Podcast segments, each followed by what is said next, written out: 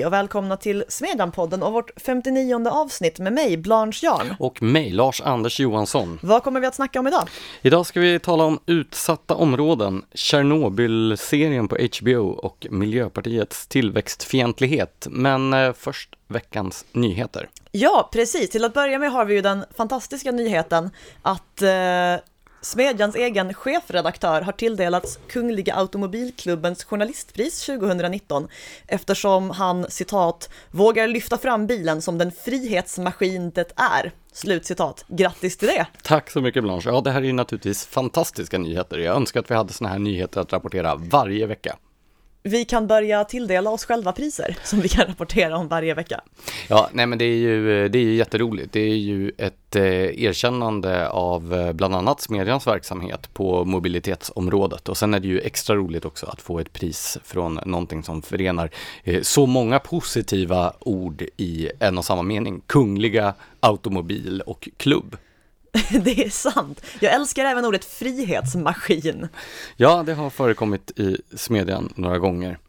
Eh, sen så är det ju nationaldagsveckan också och det är veckan när Sveriges alla före detta elevrådsordföranden på liberala ledarredaktioner skyndar till sina tangentbord för att förklara för oss alla att nationalstaten endast är en social konstruktion och därav följer den logiska slutledningen att vi måste införa en gigantisk byråkratisk europeisk överstat. Men varje vecka gör det detta med så nya, spännande och intressanta argument att det är som att läsa den för första gången varje gång.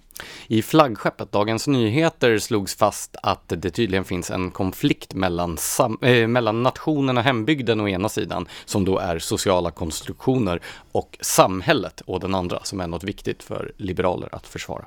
Men alltså hembygden och samhället är alltså separata fenomen som ja, inte har precis. med varandra att göra. Eh, samhället är inte en social konstruktion utan tvärtom jätteviktigt medan hembygden eftersom den är en social konstruktion då är någonting fiktivt och därför måste det bekämpas. Till skillnad naturligtvis får man ju förstå från det europeiska samarbetet som inte är en social konstruktion utan nedärvt i den mänskliga naturen. Har funnits där sedan urminnes tider, sedan Charlemagne.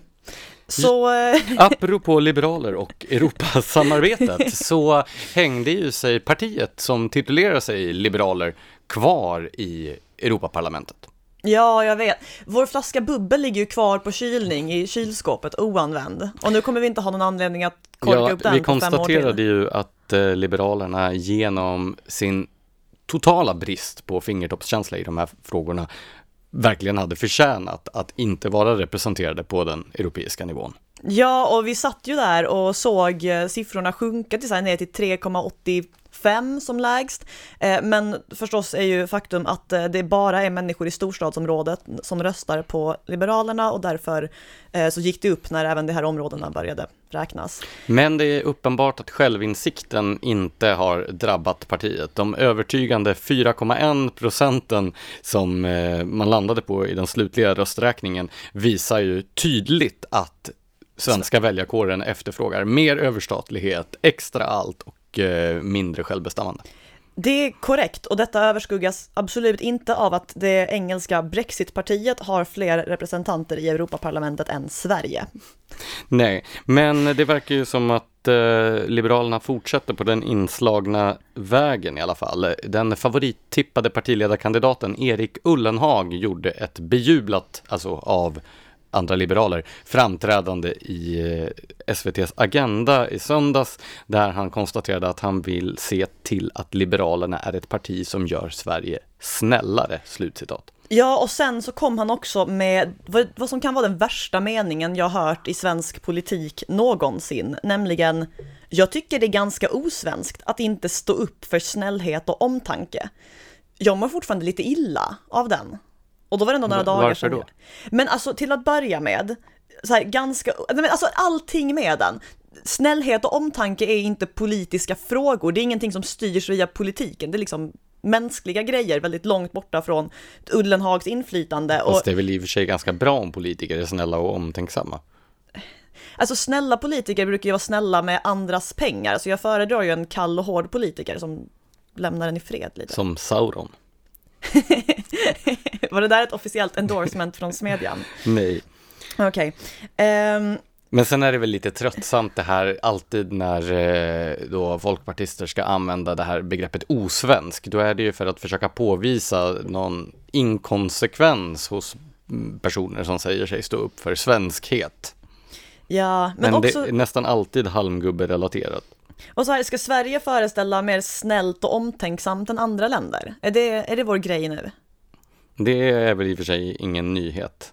Ända sedan vi började med att via biståndsbudgeten finansiera olika typer av så kallade befrielserörelser i tredje världen så Ja. har Sverige varit en humanitär stormakt. Just det. Eh, Men, grund- ja, Nej, men på, eh, på temat eh, svensk osnällhet så har ett eh, barn i Malmö polisanmälts för att ha knuffat ett annat barn från en rutschkana. Den brutala attacken inträffade i lördags i en lekpark i Malmö. Det puttade barnets föräldrar har gjort anmälan och eh, ingen ambulans behövde tillkallas även om barnet ska ha fått ont i benet. Malmös rättsväsende kommer inte att lägga jättemycket tid på just det här brottet eftersom det finns andra problem där. Men alltså hur kan det här bli en nyhet och en polisanmälan? alltså nyheten kommer sig väl av polisanmälan. Jo, jo, det får man ändå, men, men hur kan det, alltså hur kan man, finns det något mer normalt beteende för barnen att knuffa andra barn från saker? Alltså, är inte det här helt enkelt någon förälder som har eh, då dragit slutsatser av alla de som menar att nej men det är ju inget problem med samhällsutvecklingen och den ökande kriminaliteten, det är ju bara att polisanmäla. Jo, visst, men alltså det här, det här är ju människor som inte har varit barn själva. Alltså, Blanche, I hate to break it to you, men alla människor har varit barn själva. Vissa nyligare än andra. Vissa slutar aldrig. Ja, en som var barn för väldigt länge sedan är ju den brittiske eh, humorprofilen John Cleese, känd från Monty Pythons Flying Circus och eh, Pang i bygget bland annat, eller Fawlty Towers som den heter, på originalspråk. Eh, han har ju varit i blåsväder på sistone efter att ha uttalat sig om att han inte upplever London som en engelsk stad längre. Ja, han förtydligade ju eh, efter det här uttalandet att det alltså handlar om kultur och inte någon sorts etnicitetsgrej. Och sen så lade han till I think it's legitimate to prefer one culture to another. For example, I prefer cultures that do not tolerate female genital mutilation. Och det kan man ju sympatisera med förstås. Eh, men när jag läste hans citat så kom jag att tänka på det reportage vi i Smedjan publicerade tidigare i år av den norska journalisten Asle Toje. Statsvetaren, Är han inte journalist också? han är statsvetare. Okej, så den norske statsvetaren. Forskningschef på Nobelstiftelsen etc. etc. Nå något mer du vill tillägga eller ska jag fortsätta? Okej, så eh, han hade åkt till London och skrivit ett reportage om den ganska brutala segregation som präglar London, där eh, medelklassen, eller egentligen alla som inte är väldigt rika eller väldigt fattiga, flyttar längre och längre ut, eller pressas längre och längre ut. Eh, medan det som bor i London dels är väldigt rika personer som ofta investerar i fastighet i London men själva bor kvar i Ryssland eller var de nu har sina oljefyndigheter. Ehm, och dels eh, importerad arbetskraft som bor i närheten för att kunna sköta de här personernas typ tvätt och matlagning. Eh, och det är väl klart, klart att det får kulturella effekter som inte alltid är Alltså, som inte behöver uppfattas som positiva av alla. Sen är ju London fortfarande världens bästa stad och allt sånt här enligt mig. Dig. Ja, eh, kanske inte enligt John Cleese. Men så himla mycket är det väl ändå inte att uppröras över det här citatet. Någonting som man annars kan uppröras över är ju att Londons borgmästare med det engelskklingande namnet Sadiq Khan inte vill ha statsbesök från Förenta Staternas president, Storbritanniens närmaste allierade. Nej, han skrev istället en eh, debattartikel i The Guardian, såklart, där han jämförde Trump med europeiska 30-talsdiktatorer, efterkrigstidens militärjuntor och Kim Jong-Un, samt kallade honom ett tecken på ett växande globalt hot. Men det är John Cleese som är problemet här. ja, eh, Sadiq Khan är själv en stor frihetskämpe som bland annat har förbjudit eh, reklam för god och fet mat i, eh, US, eller i Londons tunnelbana. Däremot, efter att ha sett de här fotografierna på Donald Trump i en bisarrt illasittande frackutstyrsel bredvid den engelska drottningen så börjar jag nästan luta åt att Sadiq Khan kanske hade en poäng. Alltså på det temat så var faktiskt en liberaldemokrat i Storbritannien jätterolig. Eh, hon sa att Eh, apropå att eh, Trump har eh, gått ut och stöttat Boris Johnson, att det inte borde komma som någon överraskning att Donald Trump stöttar Boris, det är stöpta i samma form. Boris Johnson är vad du skulle få om du hade skickat Donald Trump till Eton.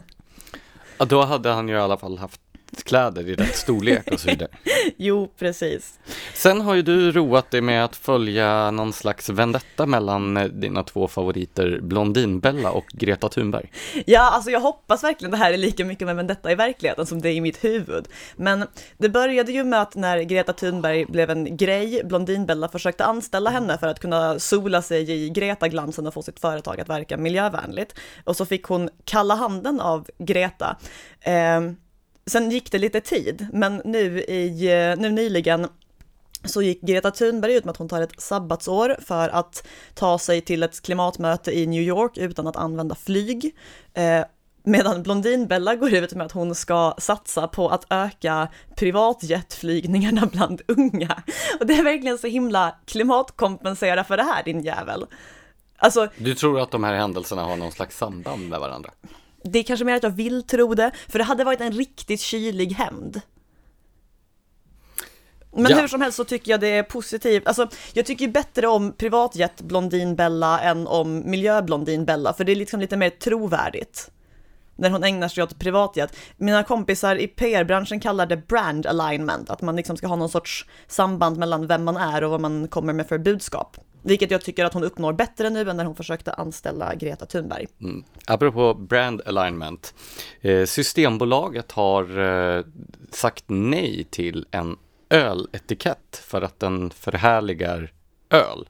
Nej, nej, den Eller, förhärligar midsommar. som vi alla vet att Systembolaget är emot. Nej men alltså det här är så sjukt. Det vänta, ett... vänta ett ögonblick, här. Eh, Systembolaget är alltså oroliga för att människor som går till Systembolaget för att köpa öl till midsommar ska bli påverkade att köpa öl till midsommar.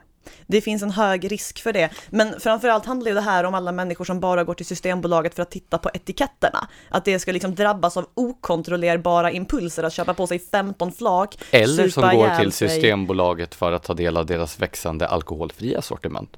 ja, det förstås. Det är förmodligen vad det handlar om. Eh, sen så har Systembolaget även invändningar mot att etiketten, som då föreställer ett, eh, ett uppklätt sällskap, en man med fiol och så lite pyntade roddbåtar i bakgrunden och är målad av Jenny Nyström, eh, en Kalmarkonstnär som är väldigt känd. Eh, detta anses vara förknippat med en riskfylld situation, det vill säga båtarna, eftersom eh, en annan regel Systembolaget har är att det inte får förekomma någon form av fordon eh, på etiketter eftersom eh, svenskar är dumma i huvudet och kommer tolka det som en uppmaning att vara rattonyktra. Eh, så inte nog med att det här är ett förhärligande av midsommar, det riskerar dessutom att eh, få svenska folket att dricka jättemycket öl och sen sätta sig i sin motorbåt. Sen så, alltså kombinationen öldrickande och fiol kan ju också få ödesdigra konsekvenser. det är bra att du ser allvaret i situationen trots allt. Nej, men det här är översitteri och jag hatar Systembolaget, det är mest det jag vill ha sagt. Mm.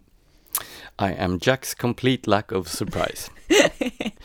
eh, lite allvarsammare nyheter kommer då från Nederländerna där en 17-årig flicka har eh, fått hjälp att ta sitt eget liv eh, i enlighet med de i Nederländerna rådande lagarna om dödshjälp. Och eh, den här unga kvinnan eller flickan, det är så svårt, 17-åringar, är man en flicka eller en kvinna då? Man är ju inte... Alltså, det båda blir lite fel på något vis. Ja, hur som helst, eh, hon led av eh, svår Eh, posttraumatisk stress till följd av eh, sexuella övergrepp både i barndomen och i ungdomen och mådde fruktansvärt dåligt av detta och ville därför ta sitt liv. Och det här eh, fallet har ju satt igång en debatt kring just dödshjälpsfrågorna och det visar ju på den moraliska problematiken kring den här typen av lagstiftning också.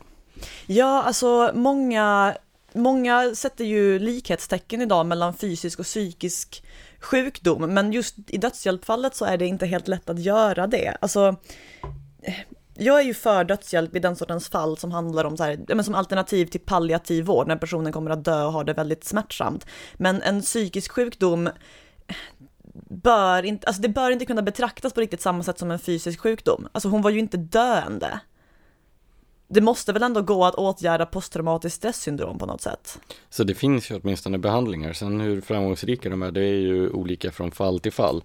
Men man kan ju hoppas att det åtminstone blir en mer nyansrik diskussion om de här frågorna. Just dödshjälpsdebatten tenderar ju att bli ungefär lika kategorisk som abortdebatten, där båda sidorna försöker låtsas att det inte finns några etiska problem överhuvudtaget. Och sådana debatter är ju kul. Mm, eller hur? Ska vi efter denna inte så muntra nyhet gå vidare till dagens ämnen? Du har skrivit i Smedjan om eh, utsatta områden med anledning av två olika nyheter som båda härrör från Polismyndigheten i veckan. Precis, det kom samma dag i måndags men gav lite olika lägesbilder. Eh, först kom polisens uppdaterade lista över utsatta områden eh, och det har minskat från 61 till 60 stycken. Eh, men de inbördes förändringarna är få, alltså de flesta som var särskilt utsatta för två år sedan är det fortfarande, de flesta som var utsatta för två år sedan är det idag också.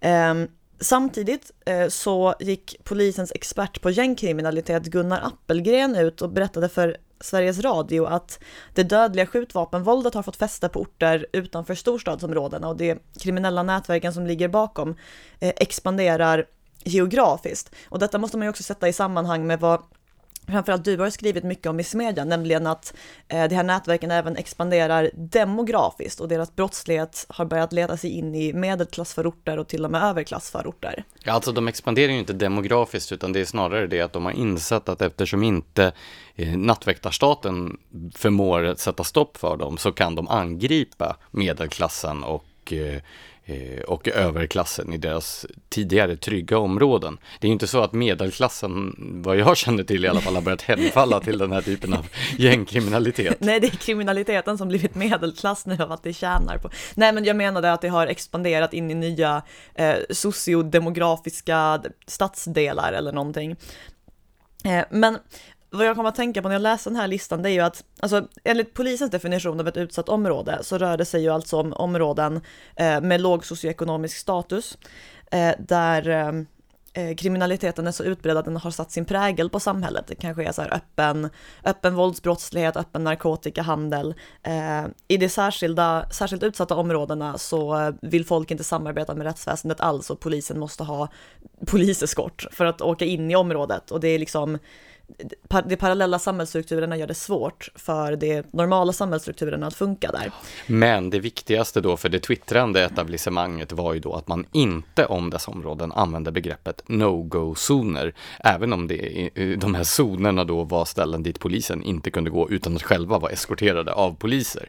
För det viktigaste är vad man kallar saker, inte hur det förhåller sig i verkligheten. Det här pågick ju, alltså i flera år pågick ju den här debatten om huruvida man skulle få säga no-go-zoner zoner om ställen dit polisen inte kunde gå utan skydd. Ja, alltså den här debatten fortsätter ju dessutom, fast nu så är det frågan om man ska få kalla de här områdena för utsatta. Eh, alltså man tycker Jag tycker att... i och för sig att begreppet utsatt är lite problematiskt, för det låter ju som att det skulle vara någonting utifrån som utsätter de här områdena, men problemen finns ju i områdena. Det är ju oftast där de här kriminella bor. Jo, men det bor ju också väldigt många icke-kriminella i de här områdena som ju utsätts för sina as till grannar. Jo, så är det ju absolut. så jag tycker ju att termen det... utsatthet är ganska rimlig ändå. Jo, men det är ju inte ett utsatt område på det. Ja, ja, det kanske det är. Men i alla fall, jag har några bra exempel som eh, alla är från i år, apropå det här med polisens lista över de utsatta områdena. Eh, Erik Pelling, som är socialdemokratisk kommunstyrelseordförande i Uppsala, där problemområdet Gottsunda ligger, eh, sa att det var förödande för Gottsunda att hamna på listan eftersom den negativa stämpeln skrämde bort investeringar. Det var alltså inte brottsligheten i Gottsunda som skrämde bort investeringarna, utan den negativa stämpeln. Eh, hans kollega Ebba Östlin som är socialdemokratisk kommunstyrelseordförande i Botkyrka, där eh, Norsborg-Hallunda-området ligger, som är ett särskilt utsatt område om jag minns rätt, sa att det var stigmatiserande att hamna på listan eftersom vem vill bo i ett utsatt område? Så nej, det vill väl förmodligen inte jättemånga göra, men det är ju återigen inte på grund av vad det kallas, utan på grund av att det är ett utsatt område. Just Gottsunda-exemplet är ju intressant eftersom det var ett eh, av de områden utanför Stockholm som tidigare tidigast började uppmärksammas som den här typen av problemområde. Och när jag jobbade som nyhetsreporter i Uppsala för en massa år sedan så var det redan en massa rapportering om kriminaliteten i, i Gottsunda och man brände bilar där och kastade sten på poliser och ja, allt det här som brukar följa med utsatta områden. Och eh, då kom det klagomål till eh, TV4-redaktionen där jag jobbade eh, om att vi gav en så negativ bild av den här stadsdelen och att det i sin tur riskerade att förstärka den negativa utvecklingen. Och eftersom vi var seriösa i vår journalistik så gjorde vi en slags utvärdering av den rapportering som hade gjorts från Gottsunda under, jag tror det var ett år tillbaka eller om det kan ha varit ännu längre. Och upptäckte att vi hade gjort en snedvriden rapportering om Gottsunda. Vi hade nämligen en orimligt positiv rapportering. För det fanns en slags sån här undermedveten strävan om att hela tiden man måste kompensera de här stadsdelarna där det pågår en massa dåligheter. Genom att också rapportera om så fort det hände minsta lilla bra, så fort det var några barn som gjorde något gulligt i Gottsunda, så skickar man ut ett eh, nyhetsteam för att rapportera om det. Åh, så här femåring ritade fin teckning. Ja, men ungefär så. Eh, vilket man inte gör i andra stadsdelar där man inte har de här problemen med kriminalitet. Och Eh, Slutade ni då lyfta positiva saker med Gottsunda? Nej, men det visar på hur fel det är att hålla på att tänka sådär att man ska eh, hålla på att kurera bilden av verkligheten. Nyhetsjournalistikens uppgift är inte att lösa verklighetens problem utan att beskriva den, att ge människor information så de kan förhålla sig till den. Det är polisens och eh, andra myndigheters uppgift att, och även civilsamhället naturligtvis, uppgift att lösa problem i samhället. Men nyhetsjournalistiken ska rapportera om samhället så som det ser ut och inte försöka kompensera. Ja, och ska man lösa problem i samhället så är ju ett bra första steg att medge att problemen finns där och sätta en etikett på dem. Kom... Det kan ju vara så att de politiker, till exempel för vissa arbetarpartier och så vidare, som har drivit en politik som har skapat förutsättningar för den här typen av problem, är mindre sugna på att erkänna det eftersom eh, det riskerar att spilla över ansvar på dem själva. Det är en tänkbar tanke.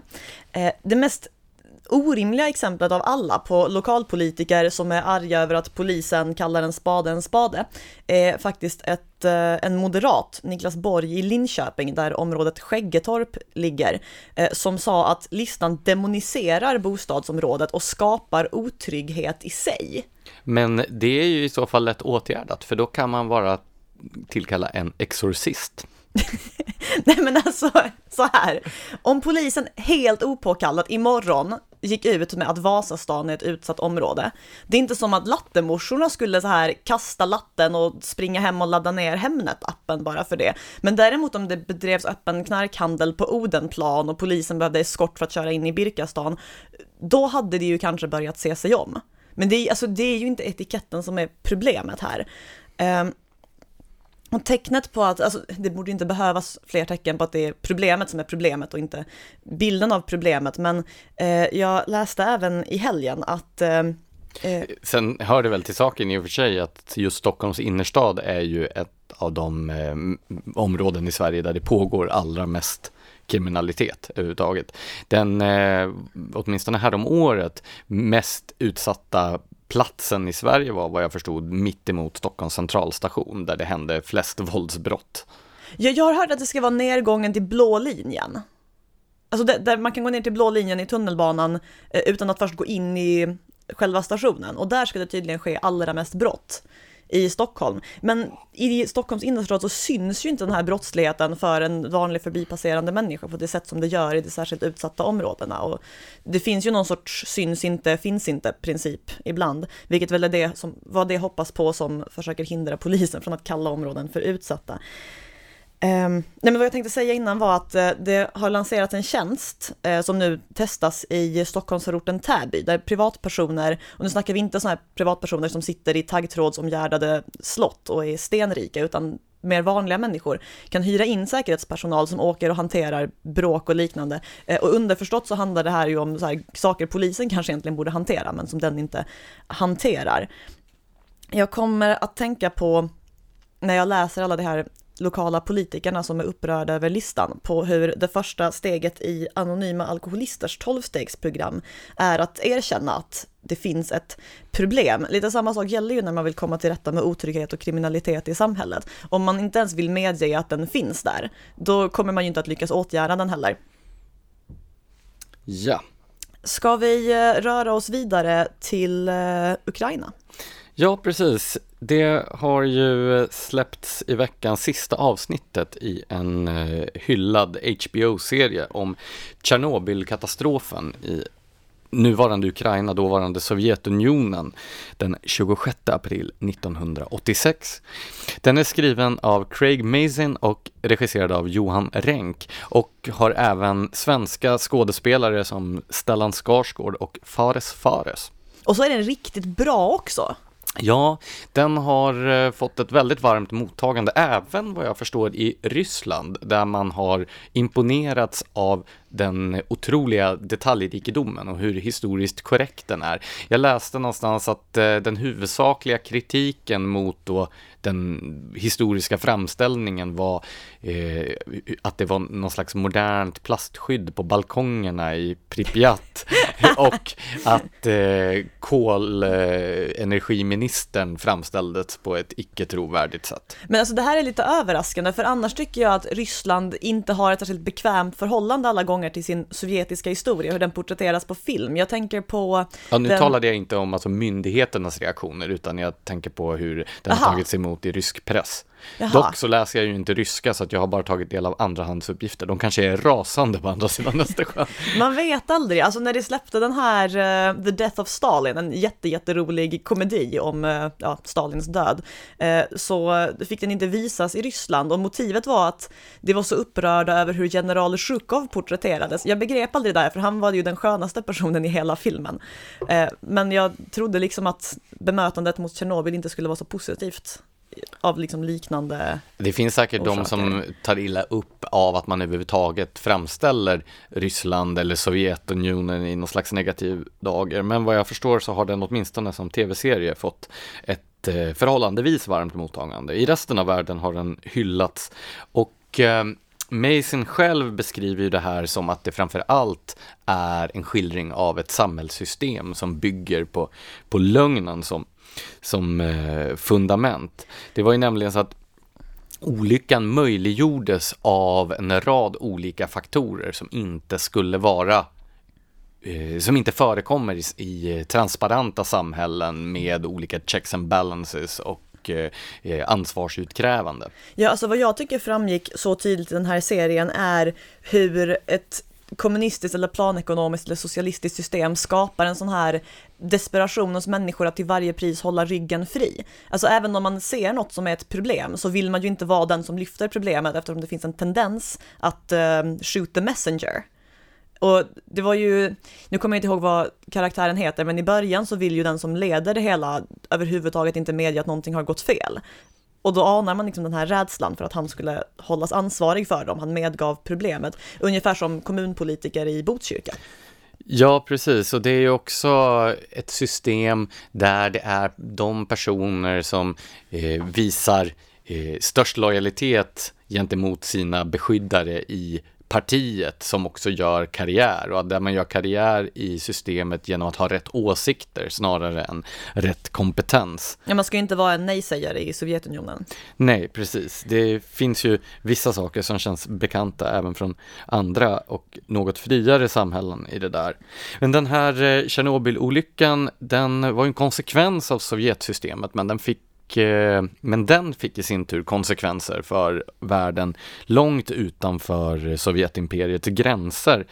Eh, det var ju tack vare att man vid kärnkraftverket i Forsmark i Uppland eh, mätte en förhöjd nivå av radioaktiv strålning som det blev känt för omvärlden att det hade hänt någonting på andra sidan Östersjön och då kunde inte de sovjetiska myndigheterna längre förneka att något hade hänt, men man försökte in i det längsta att tona ner katastrofens omfattning och säga att det bara hade varit något läckage eller vad det var. Ja, den första instinkten var ju att mörka det hela så att det inte kunde användas som ett argument emot Sovjetunionen på något vis. Det fanns ju väldigt mycket så teknisk kapprustning. För min del personligen så fick också olyckan konsekvenser. Jag är ju uppvuxen i Gävle och just Gävletrakten är ju av de högre makterna utsatt för alla möjliga väderfenomen hela tiden. Både översvämningar och snökaos och massa sådana saker. Och det var också dit som den här radioaktiva strålningen färdades med ett regnmoln som sen då fällde det till marken. Så under större delen av min uppväxt så fick man inte plocka bär och svamp eller äta viltkött eller fiska eller någonting sånt. Är det nu du avslöjar att du är mutant? Mm, eller hur? För jag gjorde ju naturligtvis allt detta i mitt trots mot auktoriteterna. Fight the power! Exakt. Strålande framtidsutsikter. Japp, Japp. snyggt. Nej, men... Kärnfullt skämt. Ja, precis. Nej, men den här eh, olyckan då eh, har ju kommit att användas i dagens kärnkraftsdebatt av mindre nogräknade, eh, nogräknade personer som statsrådet Strandhäll till exempel och andra. Vilket då Craig Mason själv eh, emotsätter sig eftersom han menar att det, den här eh, kärnkraftsreaktorn och situationen i Tjernobyl inte är relevant för dagens kärnkraftsteknik. Ja, det har han ju helt rätt i. Redan när de här reaktorerna byggdes i Tjernobyl på 80-talet så var tekniken daterad. De här eh, vad är det de heter, RBMK-reaktorerna, alltså vattenkylda och grafitmodererade reaktorer, var eh, en slags modell från de allra första kärnreaktorprototyperna som hade kommit då efter andra världskriget. Och anledningen att man i Sovjetunionen valde den här typen av av reaktorer 30 år senare. Det var ju dels för att det var billigare. Man valde ju alltid de billigaste lösningarna eftersom socialismen är ett ganska dåligt system för att generera välstånd. Eh, och den andra anledningen var att de här reaktorerna kan lätt ställas om till att också anrika uran till plutonium som används i, eh, i kärnvapen. Eh, så det fanns en slags militär eh, tanke bakom det också.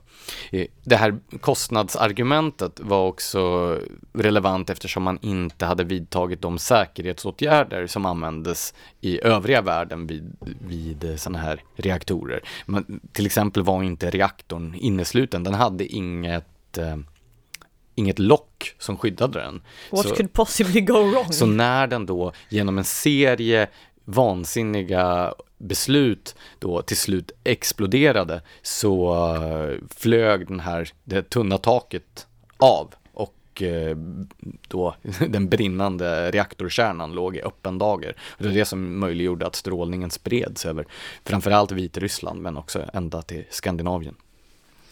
Ja, alltså jag tycker ju att om vi ska fortsätta hylla serien Chernobyl, att den, den lyckas liksom förklara väldigt många naturvetenskapliga grejer på ett väldigt begripligt sätt. Typ som till exempel det här. Alltså den är ju väldigt allmänbildande också. Ja, precis. Nej, jag tror att den är, ehm, den kommer att fylla en viktig funktion, men jag hoppas att den inte kommer, ja, nu hoppas jag väl förgäves då, men eh, kommer att användas som ett slagträ i dagens energipolitiska debatt. För som Mason själv påpekat, det är inte en relevant jämförelse med dagens reaktorer. Där ska man ju också komma ihåg att de här eh, reaktorerna i Fukushima som drabbades 2011 av en tsunami och med följande katastrof. Det är ju de här två kärnkraftsolyckorna som har fått högsta rankningen på internationella atomenergiorganets lista över kärnkraftsolyckor. Och eh, de reaktorerna var ju också dels vattenkylda och de var ju byggda i början av 70-talet också, så det var inte heller modern teknik. Sen kan man ju ändå ifrågasätta hur smart det är att bygga gigantiska atomenergianläggningar på en förkastningsbrant där det är frekventa jordbävningar. Ja, alltså skulle jag ha ett kärnkraftverk skulle jag inte lägga det i Fukushima. Nej, och det var dessutom inte byggt för att eh, klara jordbävningar värre än 7,1 tror jag läste mig till på den här Richterskalan och eh, somliga jordbävningar som drabbar just den japanska förkastningsbranten har ju haft högre än så. Återigen, what could possibly go wrong? Precis, men det är inte framför allt kärnkraften och dess, dess risker som eh, som eh, Tjernobyl-serien sätter fingret på, utan det totalitära samhällssystemet. För Tjernobyl var ju inte den enda miljökatastrofen som Sovjet eh, iscensatte. Jag menar, eh, eller iscensatte, orsakade. Eh, till exempel Aralsjön är ju ett sånt där ständigt återkommande exempel där man dikade ut ett innanhav för bevattning och eh, tömde det helt. Ja, alltså man kan ju läsa om så här byar som är helt begravda i slagg. Alltså Sovjetunionen var ju en miljökatastrof i sig, i princip. Ja, det här har bland annat Mattias Svensson skrivit om i sin eh, i sin... Eh, Essäserie i Smedjan? Nej, jag tänker i sin bok Miljöpolitik för moderater. När du kunde, kunde valt att sälja in en essäserie i Smedjan Jo, istället. men jag tror inte att han skrivit så mycket om Sovjetunionen i den. Men eh, totalitära regimer är ju ganska dåliga för miljön. Eh, vi ser ju nu till exempel hur eh, den kinesiska kolkraftsexpansionen eh, då riskerar att ut, utplåna hela resten av världens klimatåtgärder. Som om det inte vore nog med att Indiens tillväxt redan gör det. På temat hur socialistisk politik inte alltid är jättebra för miljön Eh, så läste jag i eh, början av veckan att eh, Pågen, alltså bagerijätten, tvingas avbryta sina planer på att expandera sin bagerifabrik i Malmö. Och orsaken till detta är att dess elleverantör E.ON inte kan garantera tillräckligt mycket elektricitet för att driva bakmaskinerna och ugnarna. Det här, är, alltså, det här är ju en så bisarr u-landsgrej att det nästan är svårt att föreställa sig att det finns i Sverige, det här med elbrist. Men varningarna har blivit rätt vanliga på sistone. Eh, jag, alltså jag tror det är den surrealistiska nivån på dem som gjort att det inte tagits på särskilt stort allvar. Eh, Pågens VD sa att han aldrig hade väntat sig att kunna få ett sånt här besked i ett i-land, vilket ju är rimligt. Och det här är, alltså elbristen är en direkt konsekvens av regeringens politik. Eh, E.ON meddelade redan i april i år att det tvingas lägga ner elproduktionen i Helenaholms kärnkraft, nej förlåt, kraftvärmeverk, inte kärnkraft, eh, i Malmö. Eh, och produktionen kommer att upphöra redan till sommaren som en direkt konsekvens av den höjning av kraftvärmeskatten som drevs igenom i vårbudgeten.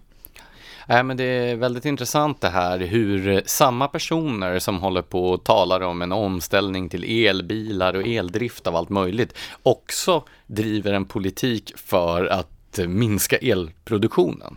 Hur kontraproduktiv den här gröna rörelsens energifientliga politik är, det har vi ju sett i Tyskland, där Miljöpartiets systerparti fick med sig Kristdemokraterna på tåget att avveckla kärnkraften, med konsekvens att man nu eh, expanderar eh, kolkraftproduktionen i Tyskland, vilket är den absolut ur ett klimathänseende sämsta typen av elproduktion. Ja, precis, och man kan också läsa att eh, eh, det finns ett ventilationsföretag som heter Lindab eh, undviker att bygga ut sin produktion i södra Sverige eftersom man inte kan lita på elförsörjningen här. Det har däremot investerat Eh, jag tror det är mer än 100 miljoner kronor i bland annat Tyskland. Så konsekvensen av den här, alltså om man bedriver den här sortens skattepolitik i en global värld så kommer ju företag att flytta och kanske inte alltid till länder som har bättre förutsättningar för miljövänlig produktion. Eh, men hur det här hänger ihop med det mer planekonomiska, det är ju den här idén att, eh, att tillväxt och liksom ekonomisk utveckling per automatik skulle vara dåliga saker för miljön. Eh, inför valet 2014 fick ju Miljöpartiet en hel del välförtjänt skit för sin öppet tillväxtfientliga hållning. Det stod i valmanifestet att eh, partiet ville göra eh, att partiet ville utveckla ett ekonomiskt system som inte bygger på tillväxt och i partiprogrammet som fortfarande gäller så står att Miljöpartiet vill göra Sverige fritt från beroendet av ständig tillväxt alltså tillväxt är ju inte ett beroende man behöver befrias från, utan tillväxt är ju till att börja med någonting eh, som ökar intresset för miljöfrågor. Alltså det finns ju en sorts behovstrappa där människor börjar med att intressera sig för mat och tak över huvudet och sen kommer det liksom till så familjens säkerhet och barnens skolgång och äldrevård och så. Och när allt det här är tryggat och det har liksom ekonomiska resurser nog att vara bekväma med att det funkar, då börjar det intressera sig för miljön. Ja, och sen så är ju dessutom tillväxten en nödvändig förutsättning för att man ska kunna hantera miljöproblemen. Vilket då till exempel Mattias Svensson skriver om i essäserien i, i Där Smedjan. satt den! Precis. Nej, men det, det här bygger också på den missuppfattning om vad tillväxt är. Den här keynesianska idén om att tillväxt skulle vara ökad konsumtion och förbrukning av resurser. Du vet den här märkliga idén som politiker både på höger och vänsterkanten har, att om man slår sönder en glasruta, då har vi fått tillväxt eftersom det sysselsätter en glasmästare. Som annars inte hade haft någonting att göra överhuvudtaget. Nej, men tillväxt är ju i själva verket att producera mer med mindre resurser. Det är ju en effektivisering och det är ju bra för miljön. Men för att vi sitter fast i den här, då, det här tankefelet om att tillväxt skulle utgöra förbränning av resurser så eh, har ju miljörörelsen då fått den här helt om bakfoten.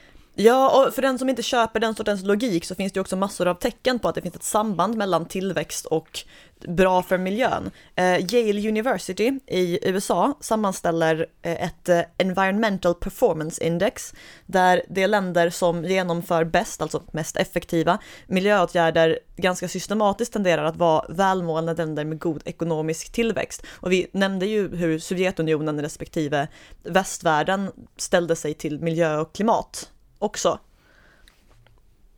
Så, alltså nu har ju miljörörelsen sen valet för fem år sedan tonat ner eh, den här retoriken om tillväxtmotstånd. Alltså Miljöpartiet talar inte lika mycket om det och även om det finns mer extrema rörelser där ute så är det inte någonting man hör riktigt lika mycket om. Men det här har ju uppenbarligen inte omsatts i praktisk politik. Alltså det, man behöver ju inte vara raketforskare för att lista ut vilket av regeringspartierna som ligger bakom den här skattehöjningen till exempel. Och det skulle vara trevligt om det kunde ja, men följa upp den nedtonade retoriken med att också sluta skapa elbrist för södra Sverige. Ja, och det får ju då konsekvenser som är även dåliga för miljön. Det blir svårare med en omställning till en eldriven fordonspark om det inte finns el.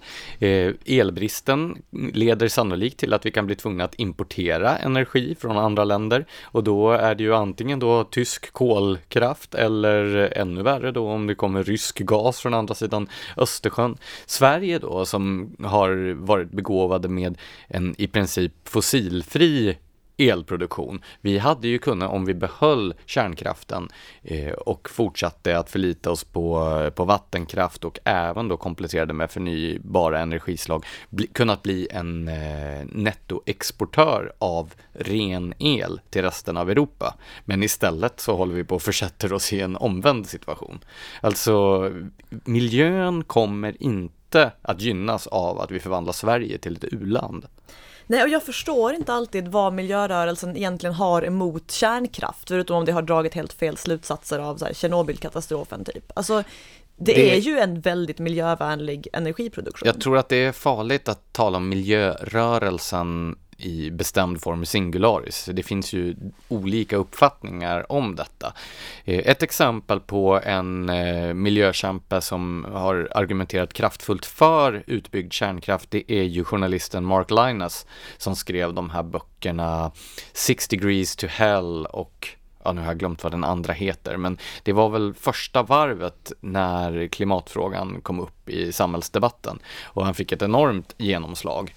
Eh, och han hyllades då av gröna partier eh, i Sverige och i andra länder. Men när han för ett antal år sedan, sedan deklarerade att han menade att en utbyggnad av kärnkraften var eh, var helt nödvändig för klimat, att hantera klimatmålen så var det stora delar av miljörörelserna och inte minst då de här gröna partierna som tog avstånd från honom helt plötsligt. Och på motsvarande sätt så gick ju eh, svenska miljöpartiet ut och ville inte kännas vid när IPCC eh, hade slagit fast att kärnkraften var en viktig del i lösningen för, på klimatproblemen. IPCC som man annars alltid använder som auktoritet. Ja, så Smedjans linje är alltså som resultat av Tjernobylserien och pågens bristande utbyggnad mer kärnkraft åt folket.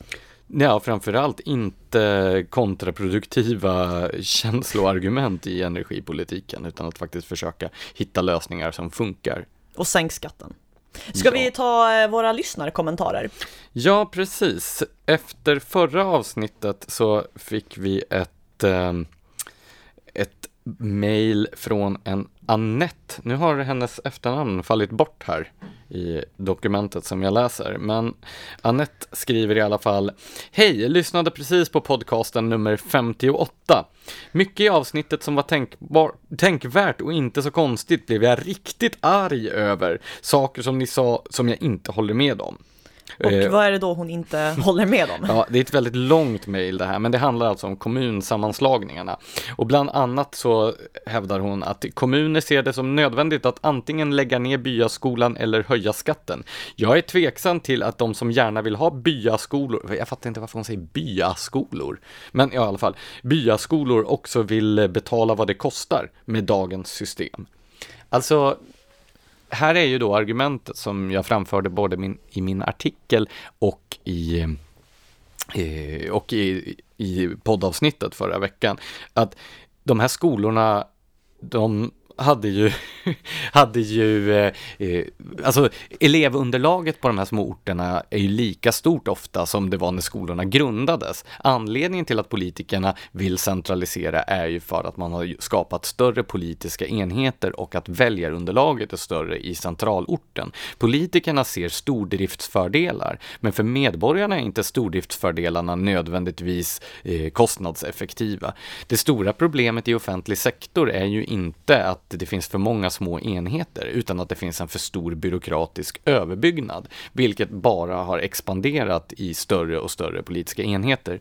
Jag har för mig att det var 2008 som SKL släppte sin rapport Välfärdsmysteriet, där de då konstaterade att eh, kostnaderna för vård, skola och omsorg hade konsekvent ökat hela tiden fram till då den här eh, rapporten släpptes. Och att nedskärningar var då inte eh, betingade av brist på resurser utan helt enkelt av att pengarna användes mer och mer ineffektivt och att byråkratin svällde ovanpå. Och det här var ju dessutom under samma period som den här centraliseringen skedde, så centralisering har inte varit kostnadseffektivt hur mycket än politikerna försöker få det till.